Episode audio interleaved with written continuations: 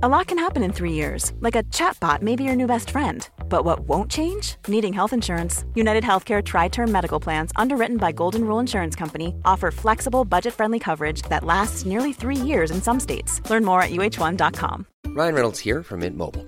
With the price of just about everything going up during inflation, we thought we'd bring our prices down. So to help us, we brought in a reverse auctioneer, which is apparently a thing. Mint Mobile unlimited premium wireless. Ready to get 30, 30, bit to get 30, bit to get 20, 20, 20, bit to get 20, 20, bit to get 15, 15, 15, 15 just 15 bucks a month. So, Give it a try at mintmobile.com slash switch. $45 upfront for three months plus taxes and fees. Promo rate for new customers for limited time. Unlimited more than 40 gigabytes per month. Slows. Full terms at mintmobile.com. Hälsosnack produceras av hälsocoacherna Lotta Lagerqvist och Victoria Carinci i samarbete med läkarkliniken FunMed. FunMed arbetar med precisionshälsa och funktionsmedicin. Är du nyfiken på vad det här innebär? Besök gärna funmed.se. Lotta och Victoria bjuder in gäster från olika delar av Hälsosverige. Innehållet är avsett som inspiration och ska inte ses som medicinsk rådgivning. Varje individ står för de åsikter och fakta som de uttrycker i podden. Varmt välkommen att bli inspirerad till ett hälsosammare och härligare liv.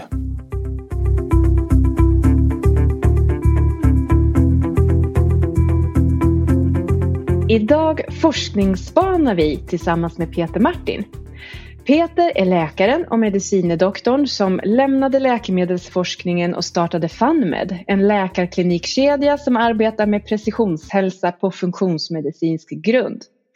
Länkarna till studien vi pratar om hittar du i avsnittets show notes. Och nu tar vi och ringer upp Peter.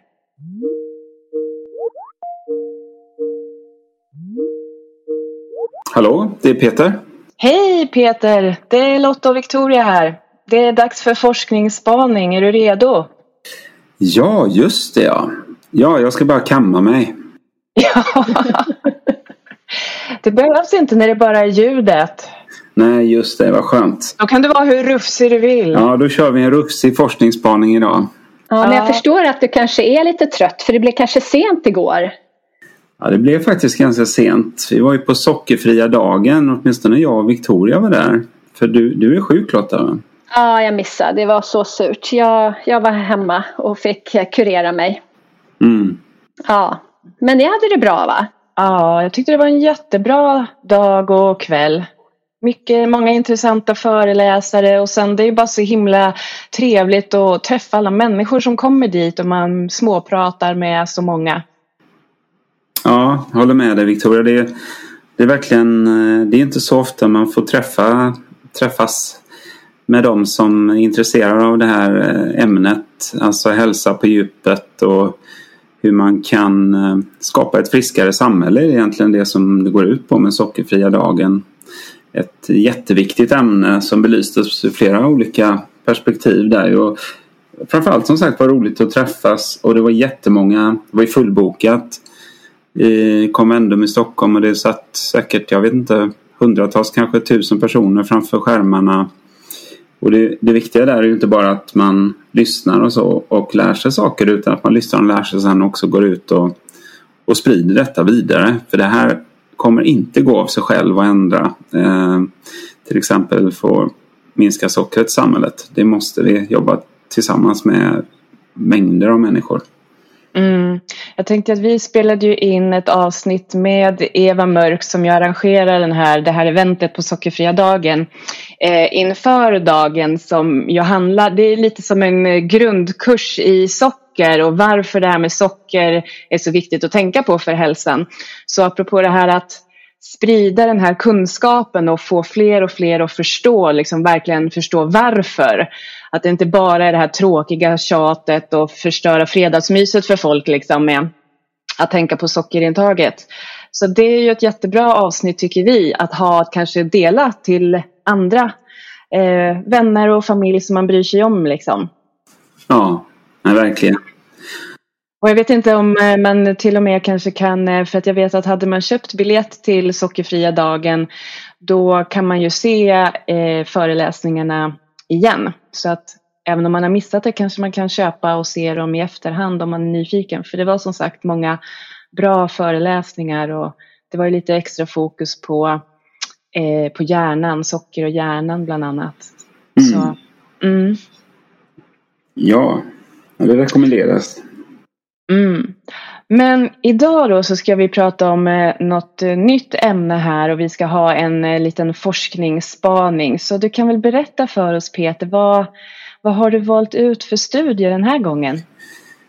Ja, den här studien är en studie som eh, kom ut 2022 i Journals of Gerontology. Eh, den har jag haft i min väska i flera månader faktiskt. Den är lite... Det är ganska mycket text och mycket information i den så jag har liksom inte riktigt haft tid att sätta mig in i den förrän nu då inför det här mötet. Men jag fick lite problem för jag tog ett bad igår kväll efter vi hade varit på sockerfria dagen. Jag var lite trött så jag somnade och tappade papperna i badkaret. Nämen. Så de, de har fått ligga på tork i natt. Tur att du lever Peter, du hade ju kunnat drunkna. Det där var inte så bra, att bada sådär trött. nej, nej, det var det inte faktiskt. Men, men det var faktiskt inte för att studien var tråkig. Det var nog bara för att jag var trött, tror jag. Så vi, vi går till studien i alla fall. Den, den går att läsa hjälpligt här idag. Så att, um, vi, och då är det så här, det här är en en studie som är faktiskt inte mindre än lite fantastisk tycker jag.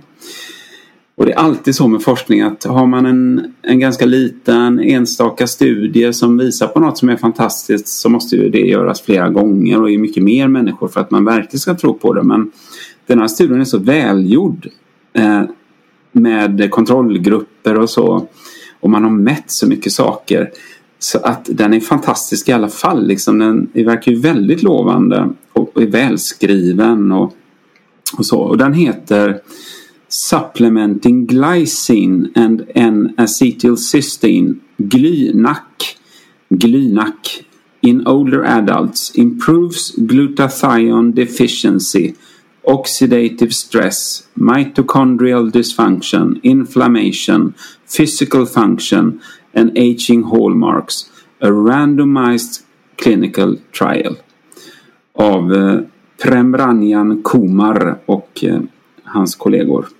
Och eh, de befinner sig då han i alla fall är på Translational Metabolism Unit eh, håller på med endokrinologi då på Baylor College i Houston i Texas i USA. Så det är en amerikansk studie. Men, och ni hörde den här jättelånga titeln. Det är ju inte för att de vill ha en lång titel, det är för att de har faktiskt studerat så mycket saker så att det blir en lång titel. Och så var det några viktiga ord på slutet då, där att det var en randomized clinical trial. Den är randomiserad, de har bara tagit in eh, personer som de har screenat fram i rätt ålder och att de inte är för sjuka och sådär och sen så har de lottat dem till olika grupper. Och sen gett dem olika behandlingar då. Så att man kan jämföra. Är ni med på det? Ja, det är väl ganska ovanligt ändå.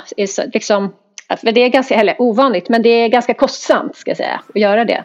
Ja, det är ju det. Det är ju jättekostsamt att göra sådana här studier och, och särskilt då den här pågick ju i upp till 16 veckor. Fyra månader då, så det var ju, det kostar pengar. Men eh, jag tänker att vi kan väl gå in och, och och prata om vilka det var de studerade och vad det var de ville studera. Vad de gav för intervention, det vill säga behandling. Och vad de mätte. Och vi ska inte gå in på allting de mäter för det är faktiskt väldigt mycket saker. Men det, men det finns väldigt mycket som inte är så svårt att förklara heller som de mätte som, som hade fantastiska effekter på. Och det man ville studera det var ju Glycine and N-acetylcysteine. Eller Glynac heter det förkortat då. G-L-Y-N-A-C. Glynac. Och det är ju, finns ju som kosttillskott. Glycin finns som kosttillskott. N-acetylcystein finns både som kosttillskott och som läkemedel. I, i, som läkemedel använder man acetylcystein till exempel som slemlösande till eh, lungsjuka människor. Eh, och eh, det används även om man har fått en förgiftning med eh, Alvedon, paracetamol. För att annars så kan levern helt enkelt bli så skadad att den, att den dör. Men då kan acetylcystein rädda levern. Så det här är välkända ämnen, inget konstigt med det. Men man ger då de två tillsammans. Och vilken dos ger man? Ja, man ger glycin i 100 milligram per kilo. Så någon som väger 70 kilo i den här studien får då 7 gram glycin per dag. Har, har någon av er varit med om att man har tagit 7 gram glycin per dag? Liksom som kosttillskott eller så? För ni jobbar ju ändå med patienter som hälsocoacher. Och... Nej, inte så mycket tror jag jag har sett. Nej. Ja, det är nog ovanligt. Va? Det brukar mera vara kanske 3 gram, ibland 6 gram och sådär. Så 7 gram är, är ganska mycket med våra nuvarande mått mätt. Och en acetylcystein det brukar vi också ge till patienter. Det är ofta 500 milligram en, eh, en sån två eller tre gånger per dag. Då. Eh, och det används lite som sådana biofilmsbrytare när man ska Eh, öppna upp slemlager i mag-tarmkanalen och så. Men det är också för att öka kroppens antioxidantsystem med den viktigaste antioxidanten i kroppen som är glutation. Det ger man också en acetylcystein. Då. Men det är alltså 500 milligram, kanske tre gånger om dagen. Här har de gett 100 milligram per kilo av en acetylcystein också. Och det betyder ju alltså att man har gett 7 gram istället för 1,5 gram som vi kanske är vana att använda det här kosttillskottet. Så det är också en rejält hög dos. Jag blev faktiskt förvånad. Jag tänker att man skulle kanske ha fått några biverkningar, magen eller så. Men de, de har faktiskt inte skrivit hur de har gett det. Hur, hur det är fördelat per dygn. Om det är en gång per dygn eller så. Det står inte vad jag kan se. Eh, men det hade varit intressant att veta. Eh, men okej, okay, då vet vi. De har gett ganska höga doser. Eh, och de har, där har de förstås fått etisk, gjort en etisk ansökan på sig. Det här vet man ju då säkert att det inte ger allvarliga biverkningar eller, eller något sånt sen tidigare. Tänker jag. Ja, är vi med så långt? Mm. Jajamensan. Och då, då undrar man liksom, vad är det de, varför vill de ge de här kosttillskotten? Och de är inte givna som kosttillskott. Det här har man gjort på ett apotek liksom och fyllt kapslar med de här mängden av, av de här ämnena. Eh, och det fina är också att man har inte bara gett eh, eh, kontrollerna då. För en randomiserad kontrollerad studie så har du kontroller som inte får den aktiva substansen utan de får ju sockerpiller då. I detta fallet är det inte socker utan det är faktiskt en aminosyrapiller och den består av alanin. Alanin är en aminosyra som är vanlig i kroppen och det är ju för att i glycin och N-acetylcystein där så finns ju faktiskt ganska mycket Eh, Eh, kväve och liksom, det är aminosyror som kan påverka liksom, ditt intag av Ja, du får i princip 7 gram plus 7 gram, 14 gram extra protein eh, eller aminosyror i detta fallet då. Men då ger man en annan aminosyra så att de får lika mycket av en annan aminosyra istället, alanin som är, inte har så mycket liksom, direkta effekter i kroppen men som är vanlig. Så man har kontrollerat det väldigt bra. Eh, så det är viktigt att veta. Eh, så kontrollgruppen har fått lika mycket aminosyror fast en annan sort. Och sen har man då det man vill göra är att man vill studera vad är effekten på äldre människor när man ger de här kosttillskotten. Eh, och hur ska man göra det då? Hur hade du som lyssnar gjort om du vill studera effekten på äldre människor? Ja, kanske hade du kommit fram till samma sätt som de har gjort då. Att då vill man jämföra med yngre människor först. Vad har yngre människor för eh, status på olika mm, saker man vill mäta? Och i detta fallet så har man då valt eh, de yngre. Det är 12 personer. Eh, ungefär hälften män och kvinnor. Och de var då mellan, jag tror det var 21 och 40 år gamla och i genomsnitt 25 år gamla. Och de äldre de var mellan 61 och 80 år gamla. Och i genomsnitt 71 år gamla. Så 25 år i genomsnitt för de yngre och 71 år för de äldre. Och det är en blandning av män och kvinnor. Ehm, så där har vi liksom grupperna. Och då har man i den äldre gruppen så har man 24 personer och de delar man in i två grupper. En grupp får placebo och en grupp får ehm, den här kosttillskottet. Medan i den yngre gruppen har man bara 12 personer. Och den yngre gruppen låter man bara få, då mäter man ju allihopa från början. De 24 äldre och de 12 yngre mäter man en massa saker på från början. Alltså man mäter massor med saker. Väldigt intressant. Eh, och sen så delar man då in dem så att alla får kosttillskott i två veckor. De yngre får det i två veckor, de äldre får det i två veckor. Eller så får de placebo då, hälften av de äldre i två, i två veckor. Och då kan man ju liksom jämföra efter två veckor. Hur har det här kosttillskottet påverkat äldre, yngre och mot placebo också i de äldre. Så där har man väldigt bra jämförelse. Men sen låter man de äldre grupperna fortsätta med antingen placebo eller sitt kosttillskott i 16 veckor. Då har man en mätpunkt längre bort också så man har liksom både de korta snabba effekterna på två veckor och man har också 16 veckor, fyra månader. För vi vet ju att det tar, sak, tar ju tid. Det vet vi från funktionsmedicin när vi ska läka saker. Det tar ju tid för kroppen att ställa om sig och ta till sig nya ämnen, ändra ämnesomsättningen och så.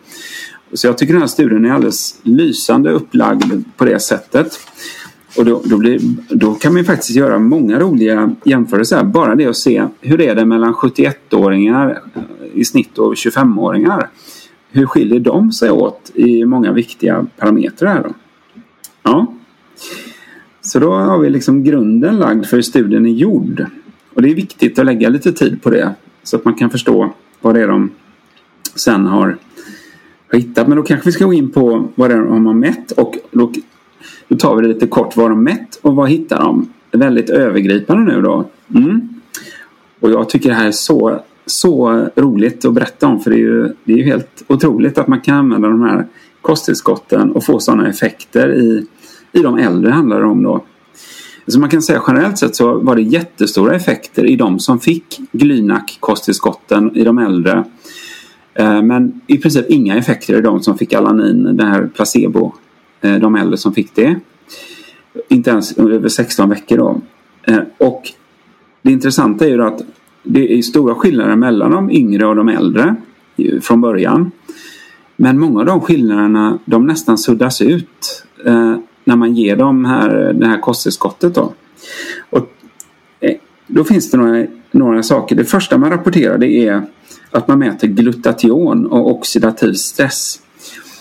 Och det är kanske helt nytt för dig som lyssnar idag men glutation, kom ihåg det namnet, det ordet. Det är kroppens viktigaste antioxidant. Den bildas inne i varje cell. Precis så mycket som behövs. Ehm, Hela tiden och den är superviktig för att ta hand om inte minst eh, fria radikaler som bildas när vi helt enkelt har vår normala ämnesomsättning. När vi bränner fett och kolhydrater i våra mitokondrier inne i cellerna så bildas det fria radikaler, till exempel väteperoxid. Det hör man på namnet. Eh, väteperoxid bildas hela tiden men då är det glutation som ska vara där och ta hand om väteperoxid och neutralisera det så att det inte den kan skada våra fetter och och mitokondrier och olika organeller inne i cellen. Så glutation är helt enkelt det är nödvändigt för att vi ska, vår metabolism ska funka och vår, hela vårt cellmaskineri ska funka och vi inte ska eh, åldras mycket snabbare. Så. Men då är det så att de äldre jämfört med de yngre, de hade 66 procent lägre muskelglutationkoncentrationer.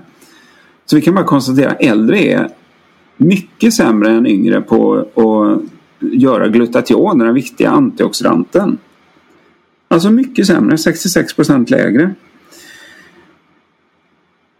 När man då eh, gav dem Glynack, de äldre, då ökade koncentrationen med, ja den dubblades efter två veckor och nästan blev en och en halv gång större efter 16 veckor. Så det var jättestor skillnad där.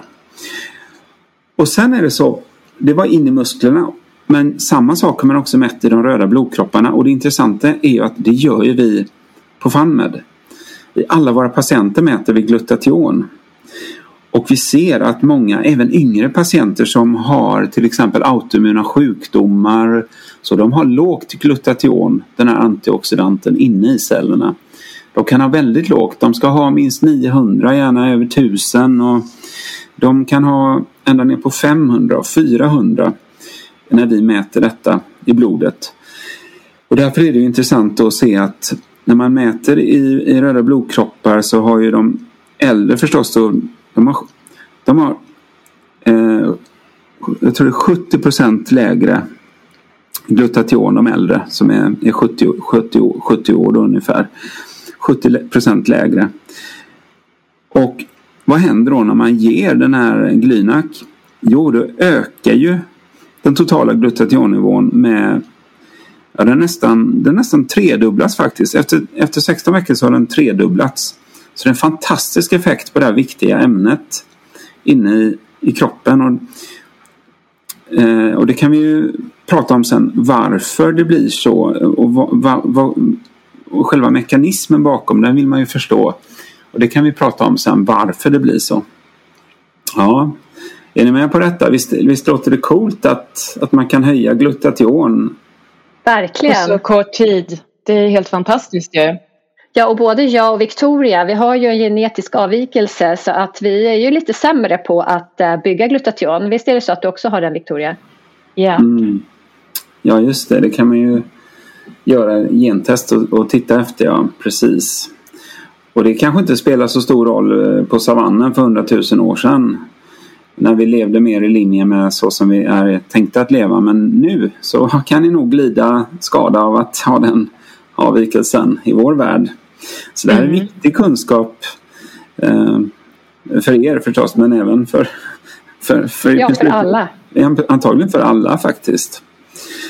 Eh, och sen då ska vi gå in lite mer också på oxidativ stress är någonting man mäter.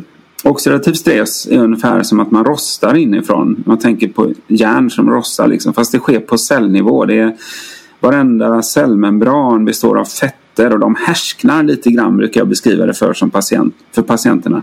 För vi mäter ju oxidativ stress i alla våra patienter. Vi kan också se folk som har blivit sjuka. Till exempel har jag sett att de som har en överfunktion i sköldkörteln, Graves sjukdom, de brukar ofta ha väldigt hög oxidativ stress. Ehm, men det, det förekommer i många andra tillstånd också. Och det fina är ju att det är inte skadat för livet utan det här kan man åtgärda genom att minska fria radikaler och öka glutation till exempel. Men de har alltså här, här ser man att jämfört med unga så har ju äldre 400 procent högre oxidativ stress. 400 procent, mycket, mycket mer. Mm. Så det bidrar ju säkert till åldrande då. Men då ser man ju förstås att, um, att det sker en, en, mycket, en stor förbättring där också då. Eh, 72 procent lägre oxidativ stress efter 16 veckor. Så det är också fantastiska effekter. Så det hänger ihop med glutation eh, säkert det där.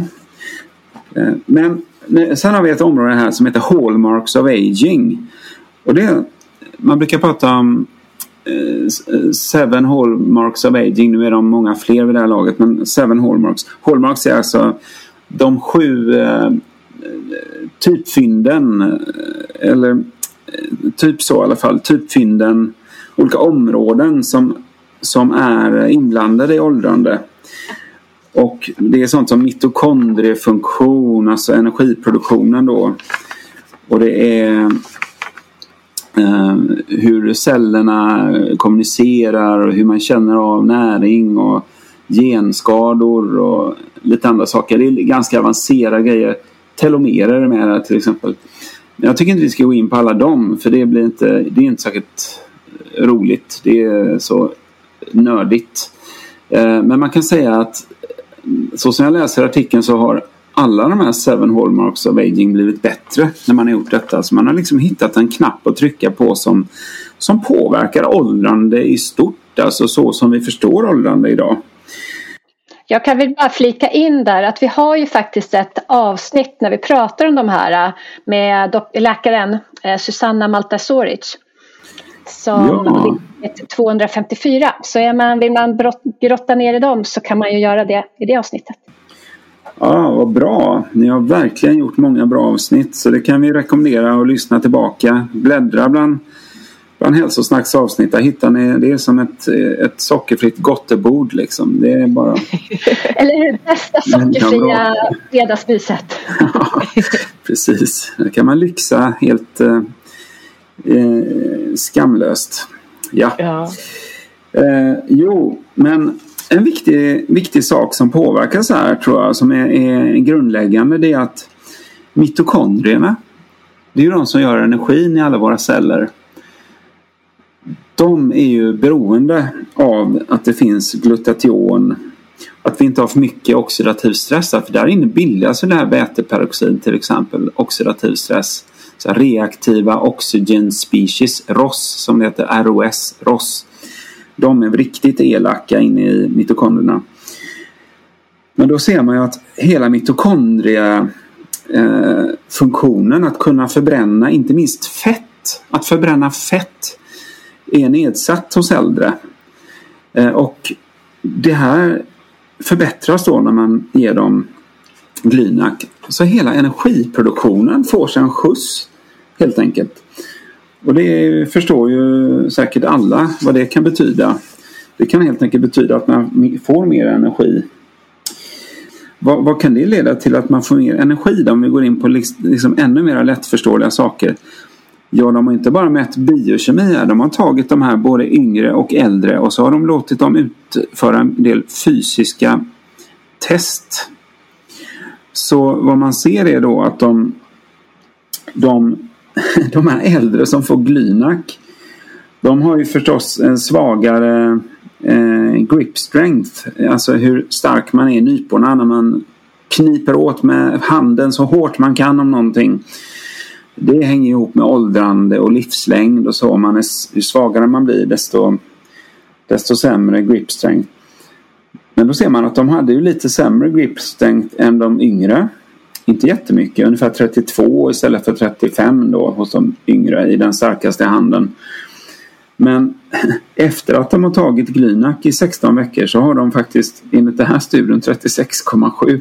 Så de har blivit helt normaliserade och till och med, kanske till och med lite starkare än de yngre. Jag vet inte hur det har gått till men wow. nästan, nästan som man undrar vad det betyder. Men, men de, Grip strength har, har normaliserats och sen är ett annat mått det är chair rise test. Det är hur snabbt man reser sig upp från en stol i sekunder. Och då gör ju unga människor det på 15 sekunder. Men de äldre på 25. Men efter studien så är de nere på 18. Så från 25 till 18 sekunder att resa sig från en stol. Det låter länge. Ja, men de är... Det är som en långs, långsam knäböj låter det som.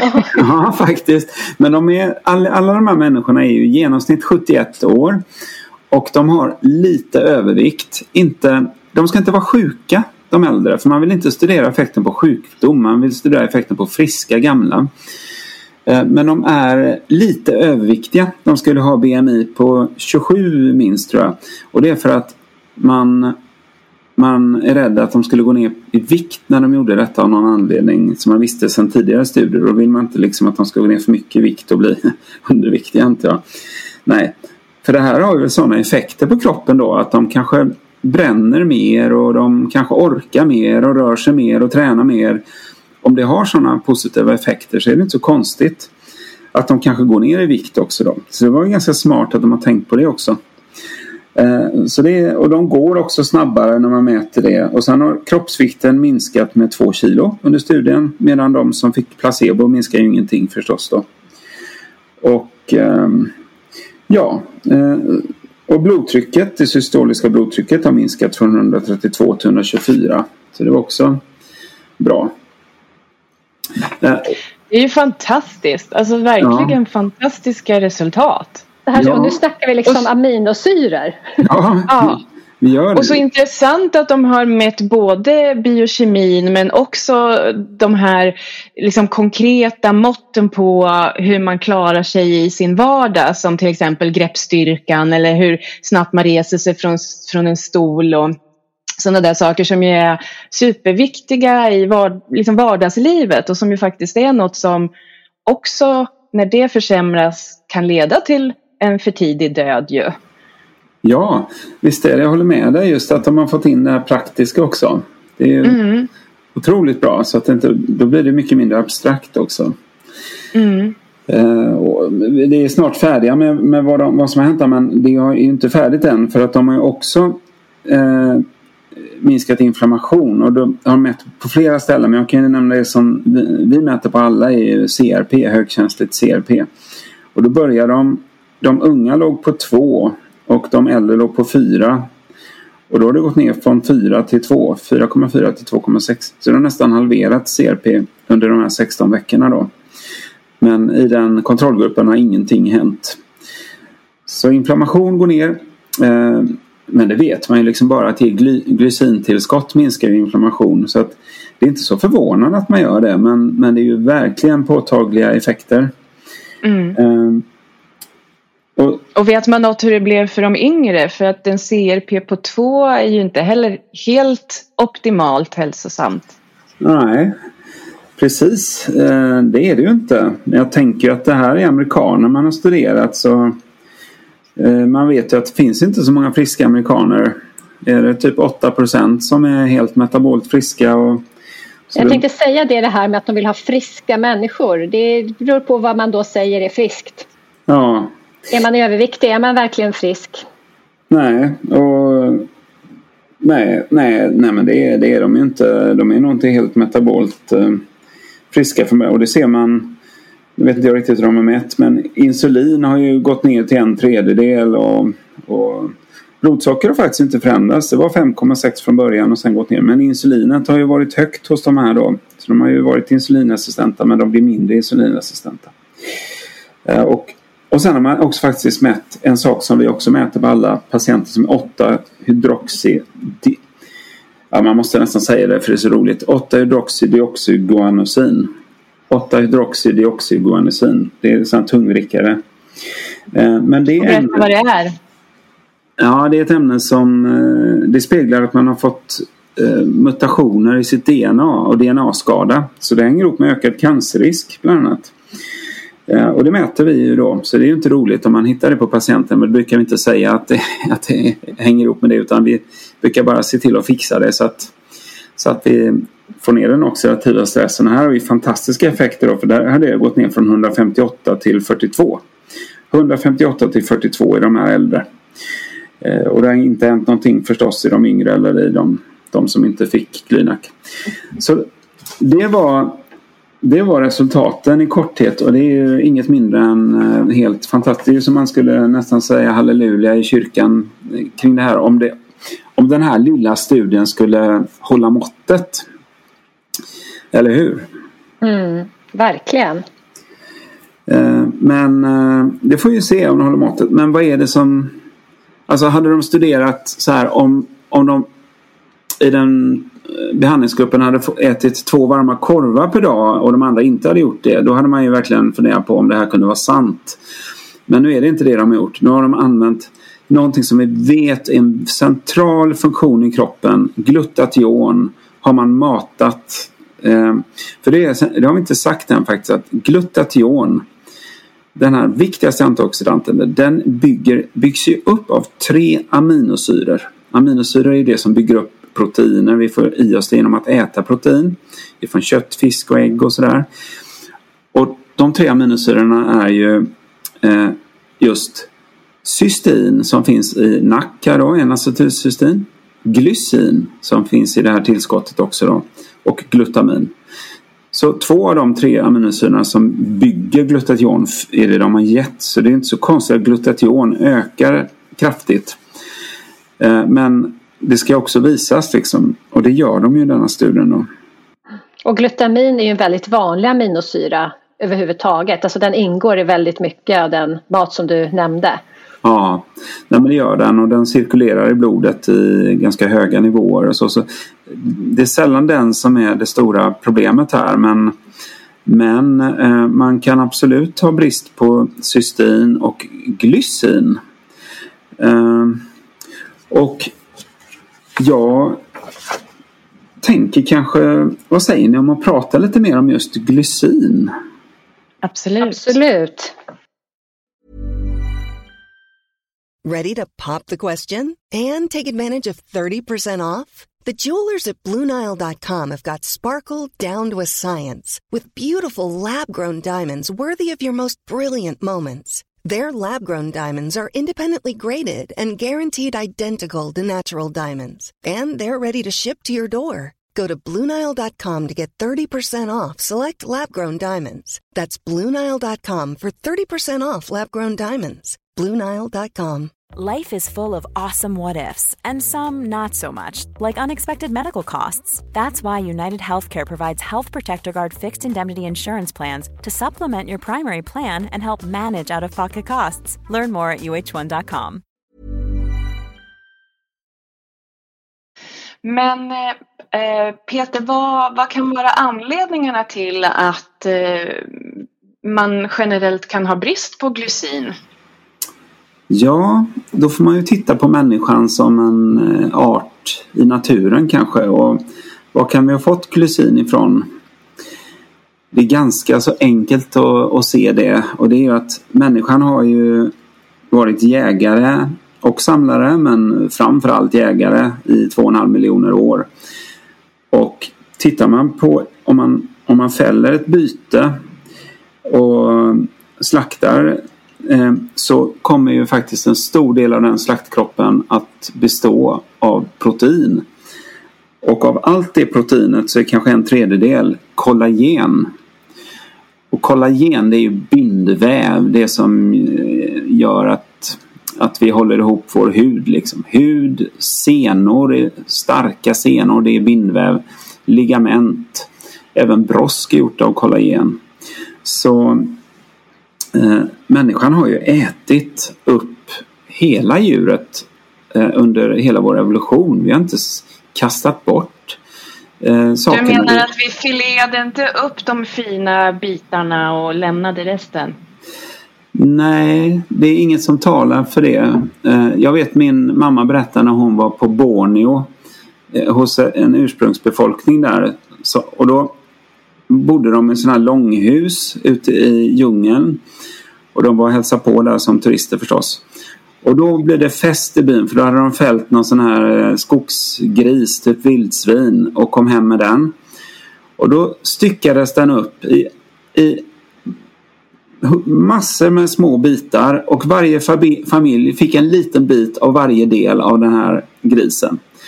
Och sen så skulle mamma och pappa föräras med att äta, jag tror det var levern eller något sånt där och de tyckte kanske inte att det var jätte jag, jag kommer inte ihåg vad det liksom, men jag vet mamma, mamma berättade om hur jobbigt hon tyckte det var att behöva sitta och bli tittad på av hela den här infödingsstammen om eh, när man skulle äta detta. Men det, det ja, så de skulle vara artiga och ge gästerna de finaste, det som de tyckte var de finaste, näringsrikaste delarna och så var ja. det inte riktigt vad man var van vid. Nej, det var inte Hemifrån. så. Men det visar ju bara på hur naturligt det var där och att, eh, att man tog tillvara hela hjulet. Och det är så människor har sett på detta genom alla tider. Och det är därför vårt julbord ser ut som det gör. Att vi, vi har grisfötter och vi har faktiskt till och med ett grishuvud på, på bordet som man, eh, man ju också åt av eh, förr. Ja men alltså jag minns ju när jag var liten att till jul så åt ju min gammelfarfar grisfötter och det var ju liksom kokat och det var det här geléiga och han satt där och knaprade, det var liksom broskigt och dant. Han tyckte det var jättegott men vi, vi skrockade och skrattade åt honom och tyckte gud det där är så, så äckligt. Men nu börjar man ju förstå att det är ju supernäringsrikt. Tänk så mycket glycin och kollagen han fick i sig. Ja, för eh, det är just i kollagenet, det här geléiga eh, som finns i sylta och eh, benbuljong om man låter den kallna och så. Det är ju där gelén där, gelatin liksom. Det är ju där som det finns glycin. Och, och det finns ju en förklaring till det också för att Glycin är den minsta aminosyran som finns av de här 20 som vi har som bygger upp våra proteiner i kroppen. Det är som små pärlor i ett pärlhalsband. Glycin är den minsta pärlan. Och det är så att när ska man bygga en stark sena till exempel och en, en sena är ju superstark. Eh, då måste man ha väldigt täta fibrer och då går det bara att ha den minsta aminosyran där. Eh, för att fibrerna ska bli så riktigt kompakta och, och tåliga.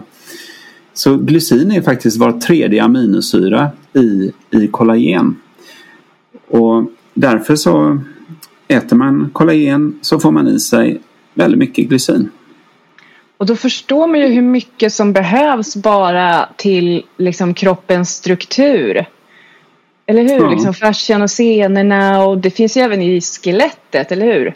Så att, ja. att det går åt mycket och att vi då kanske i dagens, liksom på dagens menyer så att det inte finns så mycket av den här slags maten som innehåller mycket glycin och kollagen så kan man ju lätt förstå att det blir brist i kroppen. Mm. Men nu är ju inte glycin en essentiell aminosyra. Kroppen ska ju göra den här själv. Men hur mycket klarar vi av att göra Ja, det själva? är intressant. Och man säger att den inte är essentiell. Att vi inte måste få i oss den via kosten. Och det är ju sant på ett sätt. För vi kan göra en liten del. Men många är ju, börjar ändå prata om att den, den borde i alla fall ses som conditional essential. Alltså under vissa förhållanden så skulle den vara essentiell. Och vissa menar ju att den är, faktiskt att ingen kan få i sig optimala eller, eller tillverka optimala mängder av glycin inne i kroppen av sig själv eh, människor då utan att alla måste få i sig mer via kosten om vi ska få en optimal hälsa. Och det är för att som du säger Lotta, hur mycket kan vi göra? Ja, vi kan tillverka kanske mellan 1 och 3 eh, och 3 gram eh, glycin per, per dag själva då. Eh, kanske så att jag gör 3 gram per dag. Och det är faktiskt inte så att, att man tillverkar glycin efter ja, hur mycket glycin behövs det här då? Nej, utan en hel del av det där det sker faktiskt med hur mycket folsyra som vi har, folat i kroppen och hur mycket behov vi har av att göra metylfolat. Och vi behöver inte gå in på det för det är ganska, eh, ganska avancerat liksom med hur, hur aminosyran serin eh, släpper ifrån sig en metylgrupp till, till folat så det blir metylfolat och så, och så blir glycinet ledigt då. Men, men, eh, men i alla fall Ja, men det finns nog mer fall. att säga om det. Men vi säger inte allt. Eh, nej, men, men, i alla fall. Eh, så att det är folaten som, som eh, behovet av, liksom, av, av, att metylera folat som gör hur mycket glycin som bildas. Så har man sämre eh, av den här MTHFR-genen till exempel som har man sämre funktion i den ja då kan ju den bli så dålig så att den går ner 75 procent. Och den har ju med, med metylfolat att göra. Och då kan man faktiskt bilda mycket mindre glycin också för att man metylerar folat mindre. Så det, det är lustigt hur allt hänger ihop i kroppen men så är det ju då. Och det är den vi lider av Lotta? Den också. Den också ja. ja. Då har ni inga bra gener. får ni titta tillbaka och prata med era förfäder. Eh, nej men, men så 3 gram per dag och kom ihåg nu att i den här studien gav de ju till exempel 7 gram glycin per dag. Alltså de ger mycket mer än vad kroppen klarar av att tillverka. Eh, och då kan man undra då vad, om den inte om kroppen inte klarar av att tillverka tillräckligt mycket, varför är det så då? Ja, då finns det, det finns ju då en hypotes om att det var för 500 miljoner år sedan som, som vi började kunna liksom göra glycin på det här sättet. Och då var det ganska små däggdjur på den tiden. Och, och, men sen när vi har blivit större och däggdjur som väger över 40 kilo och så, vilket de flesta människor gör, så, så hänger inte det här systemet med riktigt.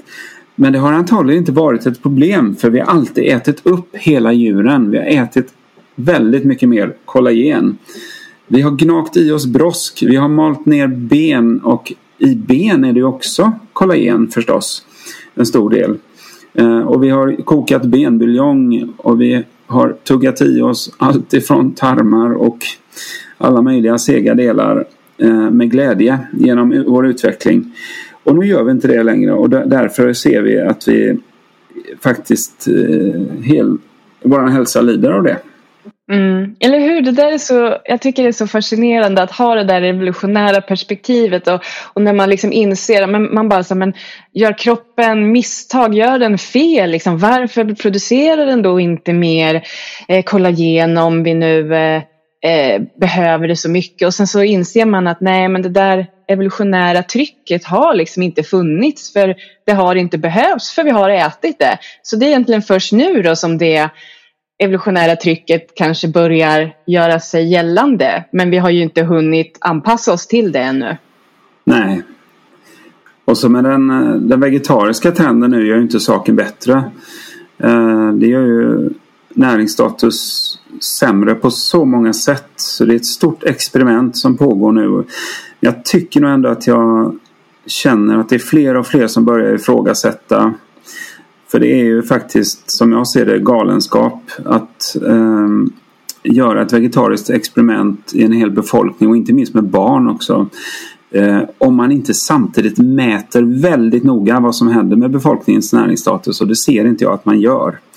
Eh, så gör man det och ser att det fungerar då är jag jag har inget emot det men, men eh, det ser jag inte att man gör.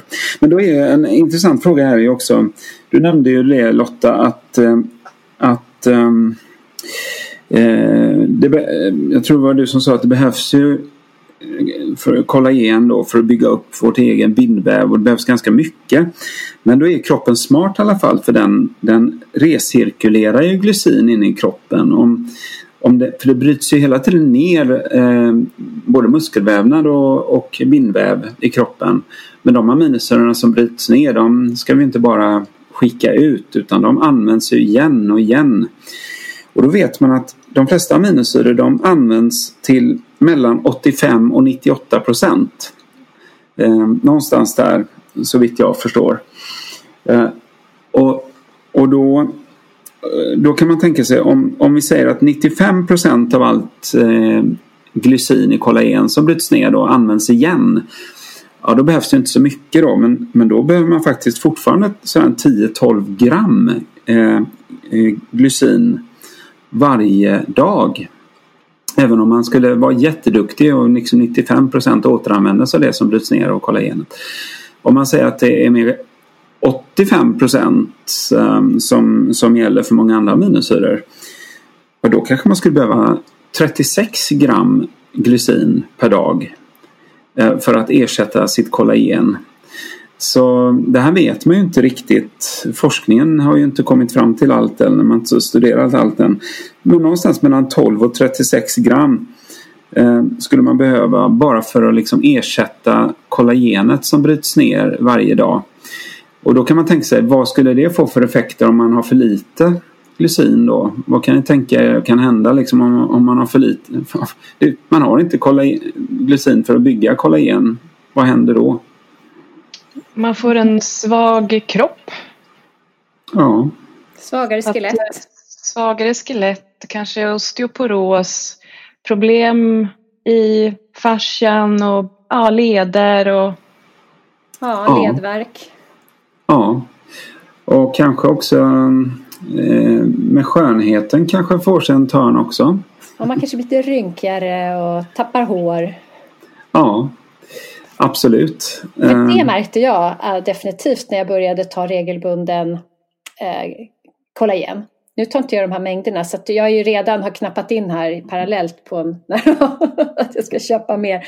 Nej men att jag märkte på mitt hår ganska tydligt att det växte mycket mer.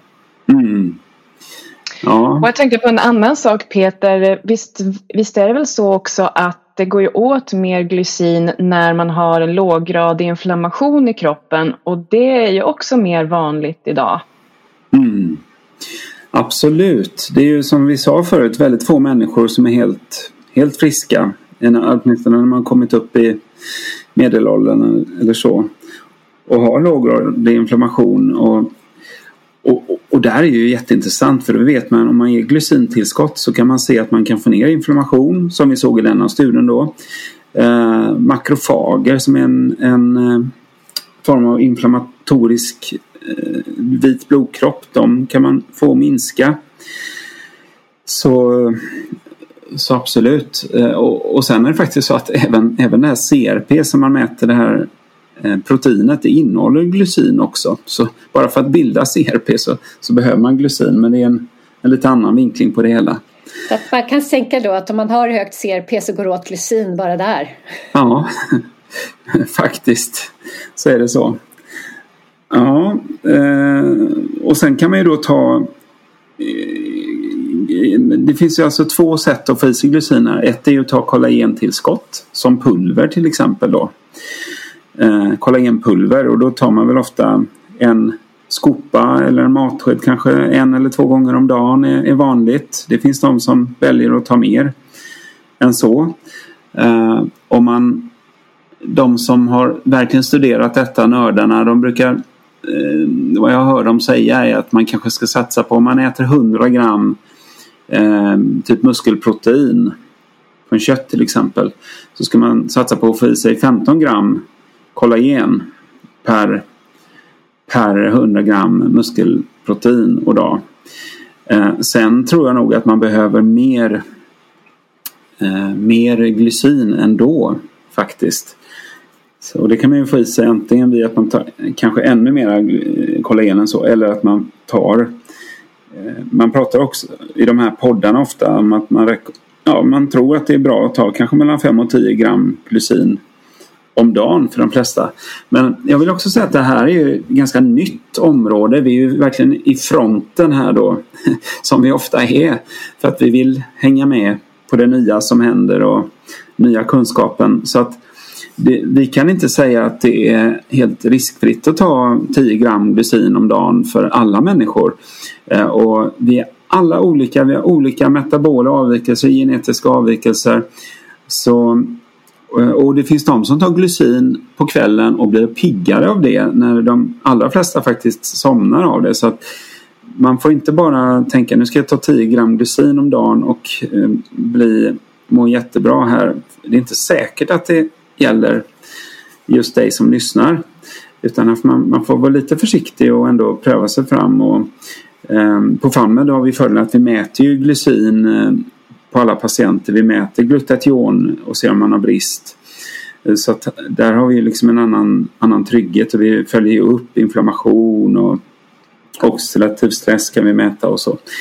Eh, så, så det är en fördel.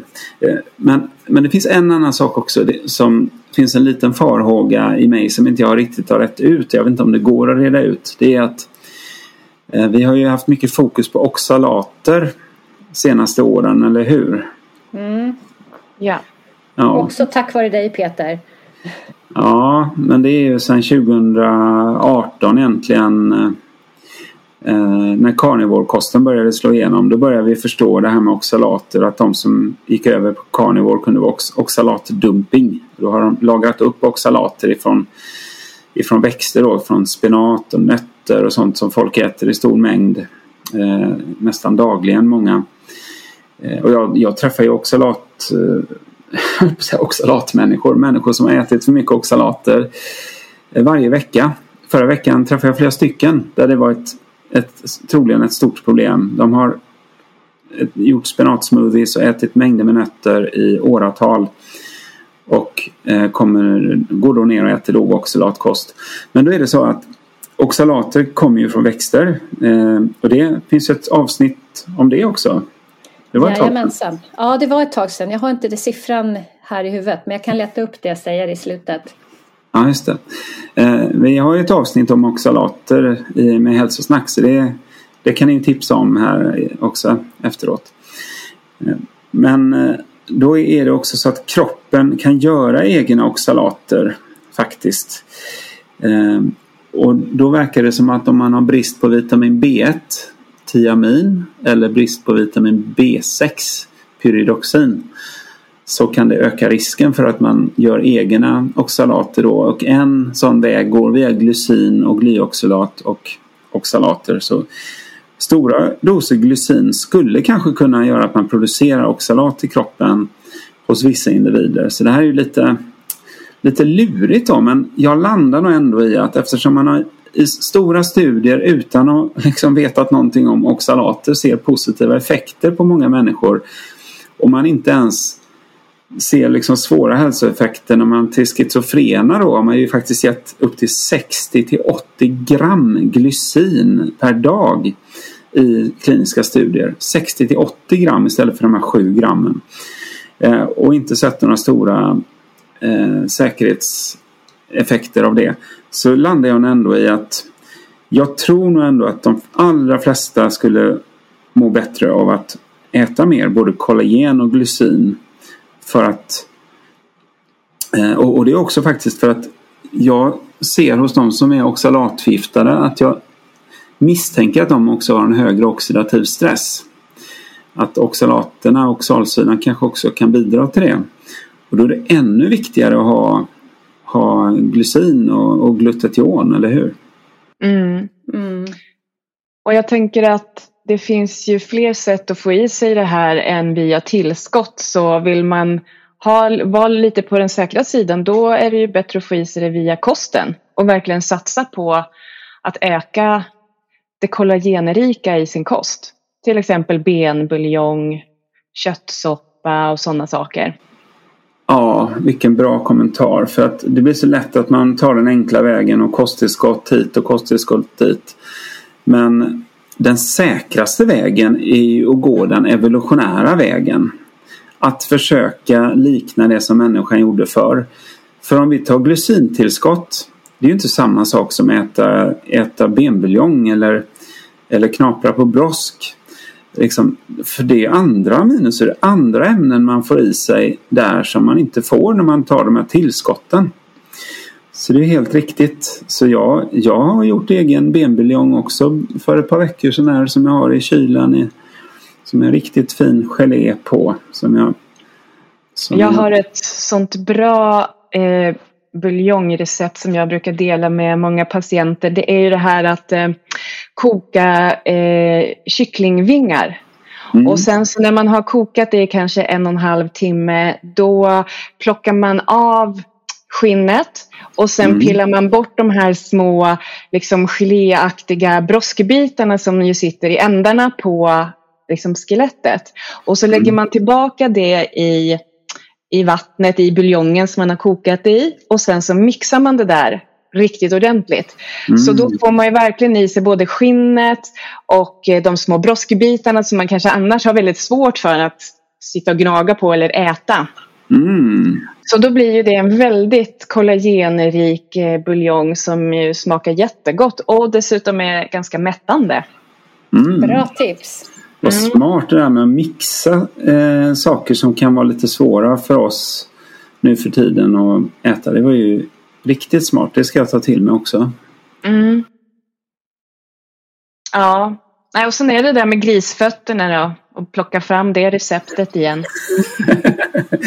ja. Det har jag lagat... själv inte gjort ännu. jag har faktiskt lagat det en gång sedan jag blev intresserad av kosten de senaste tio åren. Men nej, just det var, jag vet inte om jag, jag var nog inte tillräckligt bra grisfotskock för att lyckas med det då. Men vi får på det igen. Ja, man får inte ge upp. Nej. För så är det mycket med de här, alltså vi har ju vant oss så länge nu vid att det bara är muskelköttet, det är filéerna som man ska som man ska äta. Så att jag, jag ser på mina barn, alltså, de är så bara fetträdda. Så här, de vill skära bort fettet bara på köttet. Så att det är verkligen så här, sånt fokus på filén. Så att det, men det är ju bara en vanesak. Genom ja. alla tidigare tider så har man ju ätit det här och det är ju gott när man väl kan komma över det mentala. Ja, och jag vill slå ett slag för köttfärs faktiskt. För att eh, vi kikade lite på det innan, för där maler de ju ner, det är ju de sämsta bitarna egentligen eh, på djuret som man mal ner. Ja. Eh, så där blir det ju en del brosk, så det är ju faktiskt eh, några gram. Och jag som äter det ett par gånger om dagen några, ett par hundra gram så blir det ändå lite, bidrar det.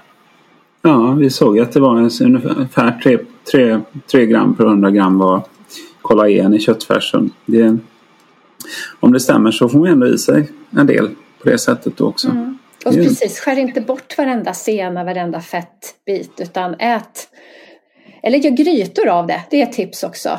Att eh, koka det i några timmar så blir det mört och fint. Mm. Just det.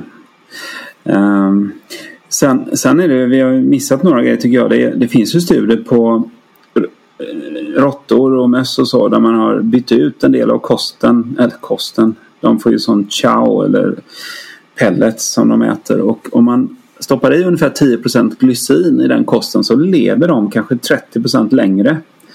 Det är fantastiskt. Mm. så det, nu är inte råttor och människor samma sak men, men det är intressant.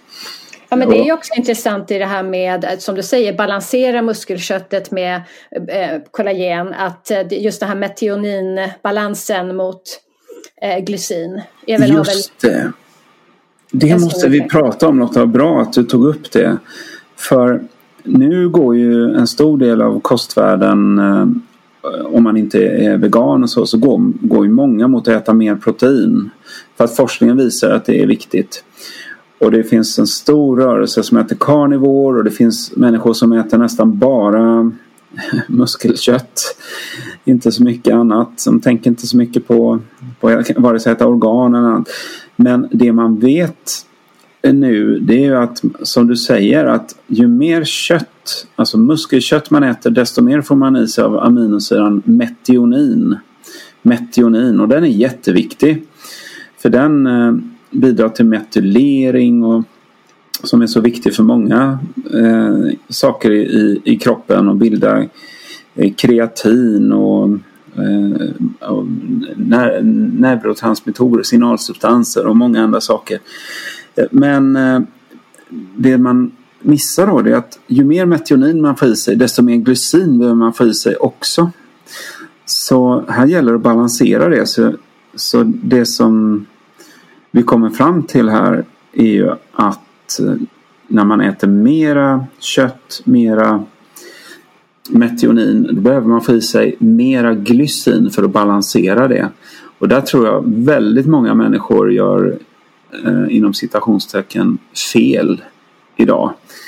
Och det är bara det evolutionära. Ju mer eh, muskelkött vi fick tag på, ja då fick vi alltid tag på på kollagen också för det satt nämligen ihop i djuret och vi åt hela djuret. Så det liksom löste sig själv med den balansen.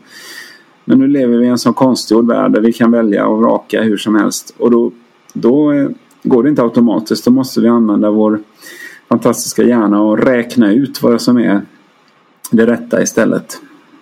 Mm. Ja men jättebra Peter. Det var superintressant forskningsspaning här idag och jag är glad att du delade den med oss och lyssnarna och att den inte fick ligga där undangömd i, på ditt skrivbord eller var du nu hade väska. badkaret eller var du nu har den.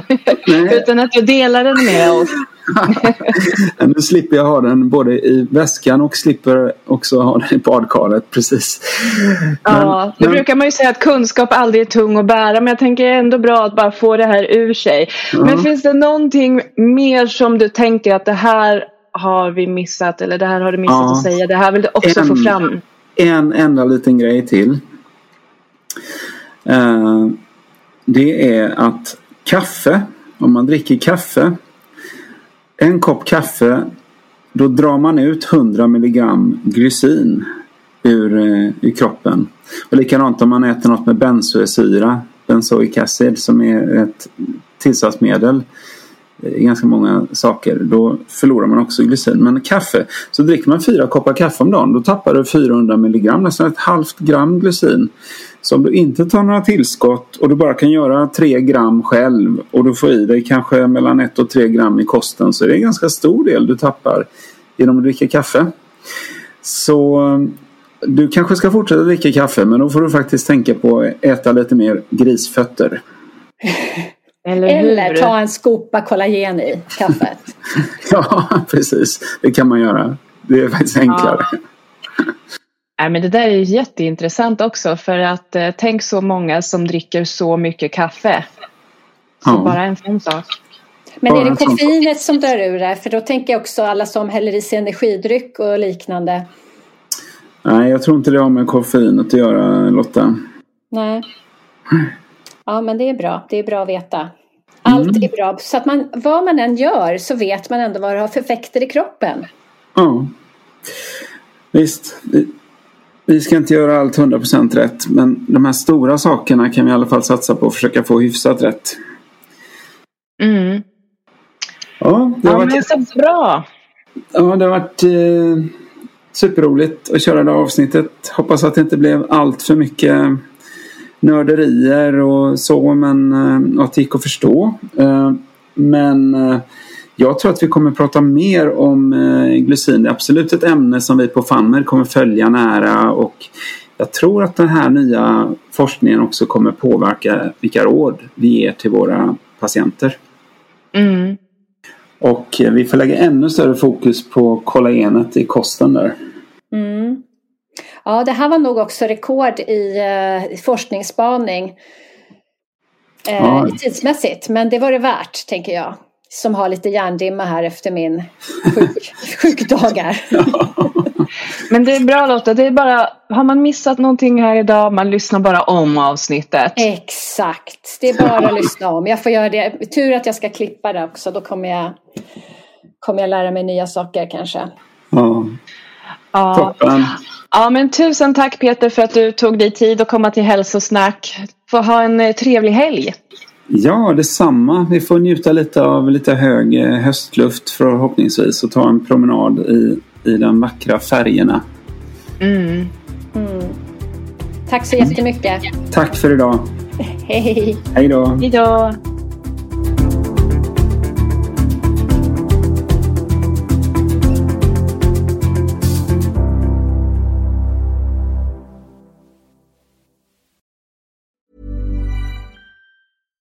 This message comes from BOF sponsor eBay. You'll know real when you get it.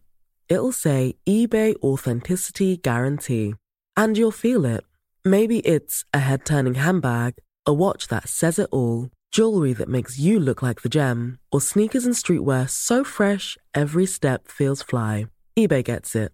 So look for the blue check mark next to that thing you love and be confident that every inch, stitch, sole, and logo is checked by experts. With eBay Authenticity Guarantee, you can trust that feeling of real is always in reach. Ensure your next purchase is the real deal. Visit eBay.com for terms. Ever catch yourself eating the same flavorless dinner three days in a row? Dreaming of something better? Well, HelloFresh is your guilt free dream come true, baby. It's me, Gigi Palmer. Let's wake up those taste buds with hot, juicy pecan crusted chicken or garlic butter shrimp scampi. Mm. Hello Fresh. Stop dreaming of all the delicious possibilities and dig in at HelloFresh.com. Let's get this dinner party started.